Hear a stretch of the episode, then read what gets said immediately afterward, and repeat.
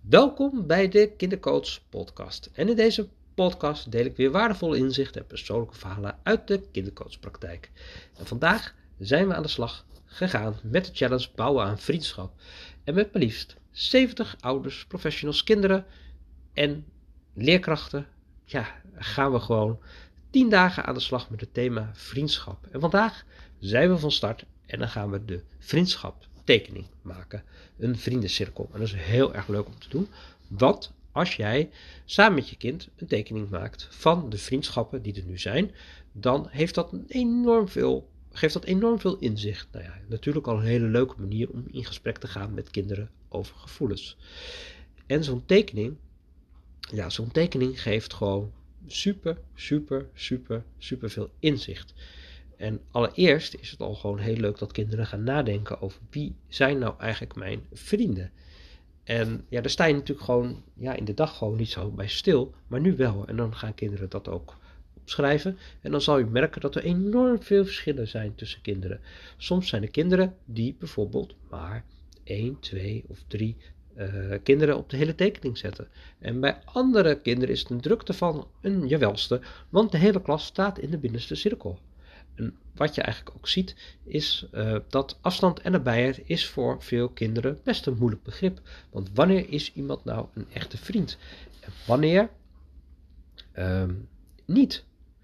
En uh, ja, er zijn natuurlijk heel veel kinderen met wie je zo wat contact hebt. En vaak trekken kinderen juist op met een bepaalde, maar dat zijn niet altijd uh, de vrienden die ook wederkerig vriend zijn van jou. Nou, dat is natuurlijk onwijs interessant. En soms zijn er ook wel kinderen die een tekening maken, in dat daar in die tekening gewoon de, tekening, de kinderen staan met wie ze heel graag vriend of vriendin zouden zijn. En wat ze dan ontdekken is uh, dat die kinderen hun eigenlijk helemaal niet uh, zelf kiezen. Het zijn de populaire kinderen uit de klas. En je kind heeft heel erg de behoefte om aansluiting te hebben bij de populaire kinderen in de klas. Maar ja, de vraag is of dat zo handig is. Ja, en hoe kom je dan in gesprek met je kind over zo'n thema? Nou, met zo'n tekening is dat natuurlijk heel makkelijk, want je ziet het allemaal zo gebeuren. Je kind tekent het gewoon zo helemaal neer en dat geeft gewoon in ieder geval inzicht van hoe je kind het op dit moment ervaart.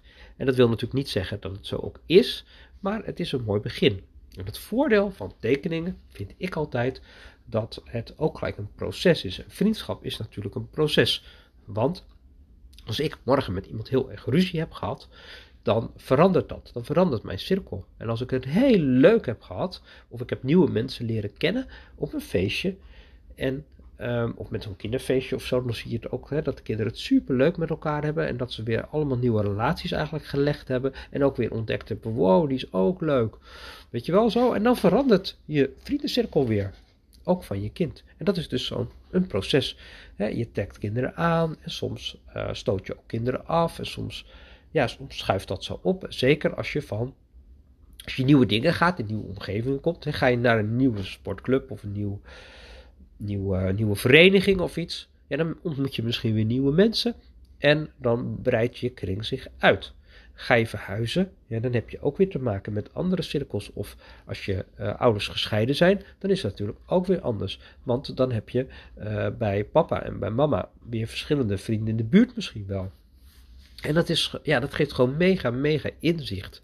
En zo'n cirkel is daar echt een heel mooi hulpmiddel voor. En voor mij als hulpverlener is het natuurlijk fijn, want kinderen, die, ja, ik haal ze altijd uit de klas en met zo'n tekening, ik leg de tekening neer en kinderen zijn gewoon weer helemaal in het hier en nu, gewoon helemaal erbij.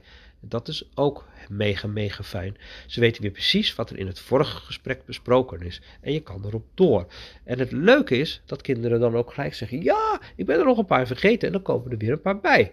Nou, en zo groeit vaak zo'n cirkel. En soms heb ik dus kinderen die dus aankomen met: Ik heb helemaal geen vrienden. Dan blijkt dat ze wel degelijk vrienden hebben. En dat is natuurlijk gewoon een super, super, super mooi proces om zo met elkaar te doen. Ja, en het helpt ook, zo'n cirkel, om kinderen opdracht te geven. Want zo gebruik ik het natuurlijk ook. Want um, soms wil je graag dat kinderen bijvoorbeeld hun vriendenkring gaan uitbreiden. Omdat je merkt dat ze bijvoorbeeld nog misschien wel wat teruggetrokken zijn. of wat weinig assertief zijn, of ehm, ja, eigenlijk gewoon helemaal niet goed weten hoe ze een praatje of een speelafspraak moeten maken. En dat gaan we ook in de challenge doen. Uh, aan de hand van de cirkel kan je dus allerlei opdrachten geven. En je kan natuurlijk zelf een beetje kijken wat voor opdracht geef je kinderen. Uh, maar dat is heel leuk, want dan gaan ze dus door de cirkel. Zet ik ze aan tot actie en dan gaan ze zo verder groeien. En dan gaan ze misschien wel weer een nieuw speelafspraakje maken. Of ze gaan juist kijken uh, in de pauze om met iemand anders te spelen. Of ze gaan aan een groepje vragen om mee te doen. Nou, allemaal van die moeilijke dingen. En dat is super leuk, want in, zo'n, uh, in de challenge gaan we daar natuurlijk ook aan de gang. Met zo'n cirkel kan ik dan ook precies zo allerlei opdrachten geven. En dan maak ik eigenlijk zo'n cirkel helemaal op maat.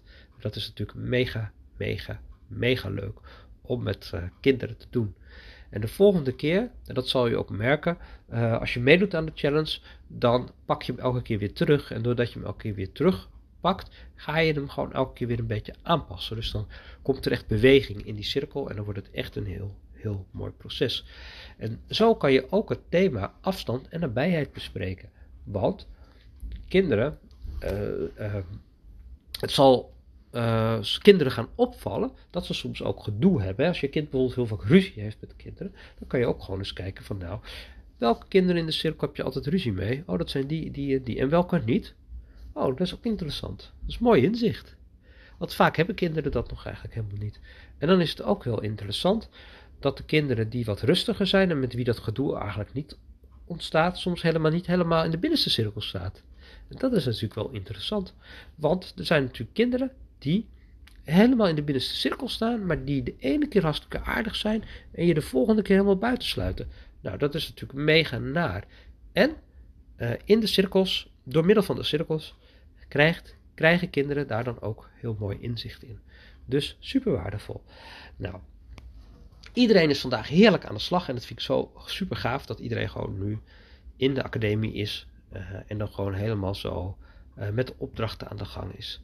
En uh, ja, ik ben gewoon heel, heel benieuwd hoe, uh, uh, welke resultaten iedereen haalt. En het is zo mega. Je maakt met online programma's zoveel mega impact. Omdat ik nu gewoon met 70 mensen aan de slag ga. Dus hoeveel kinderen zijn er nu aan de slag? Nou, dat is waanzinnig. Nou, dan zijn we zo weer aan het einde gekomen van deze podcast. En dan spreek ik jou bij een volgende podcast. En ik wens je een hele fijne dag.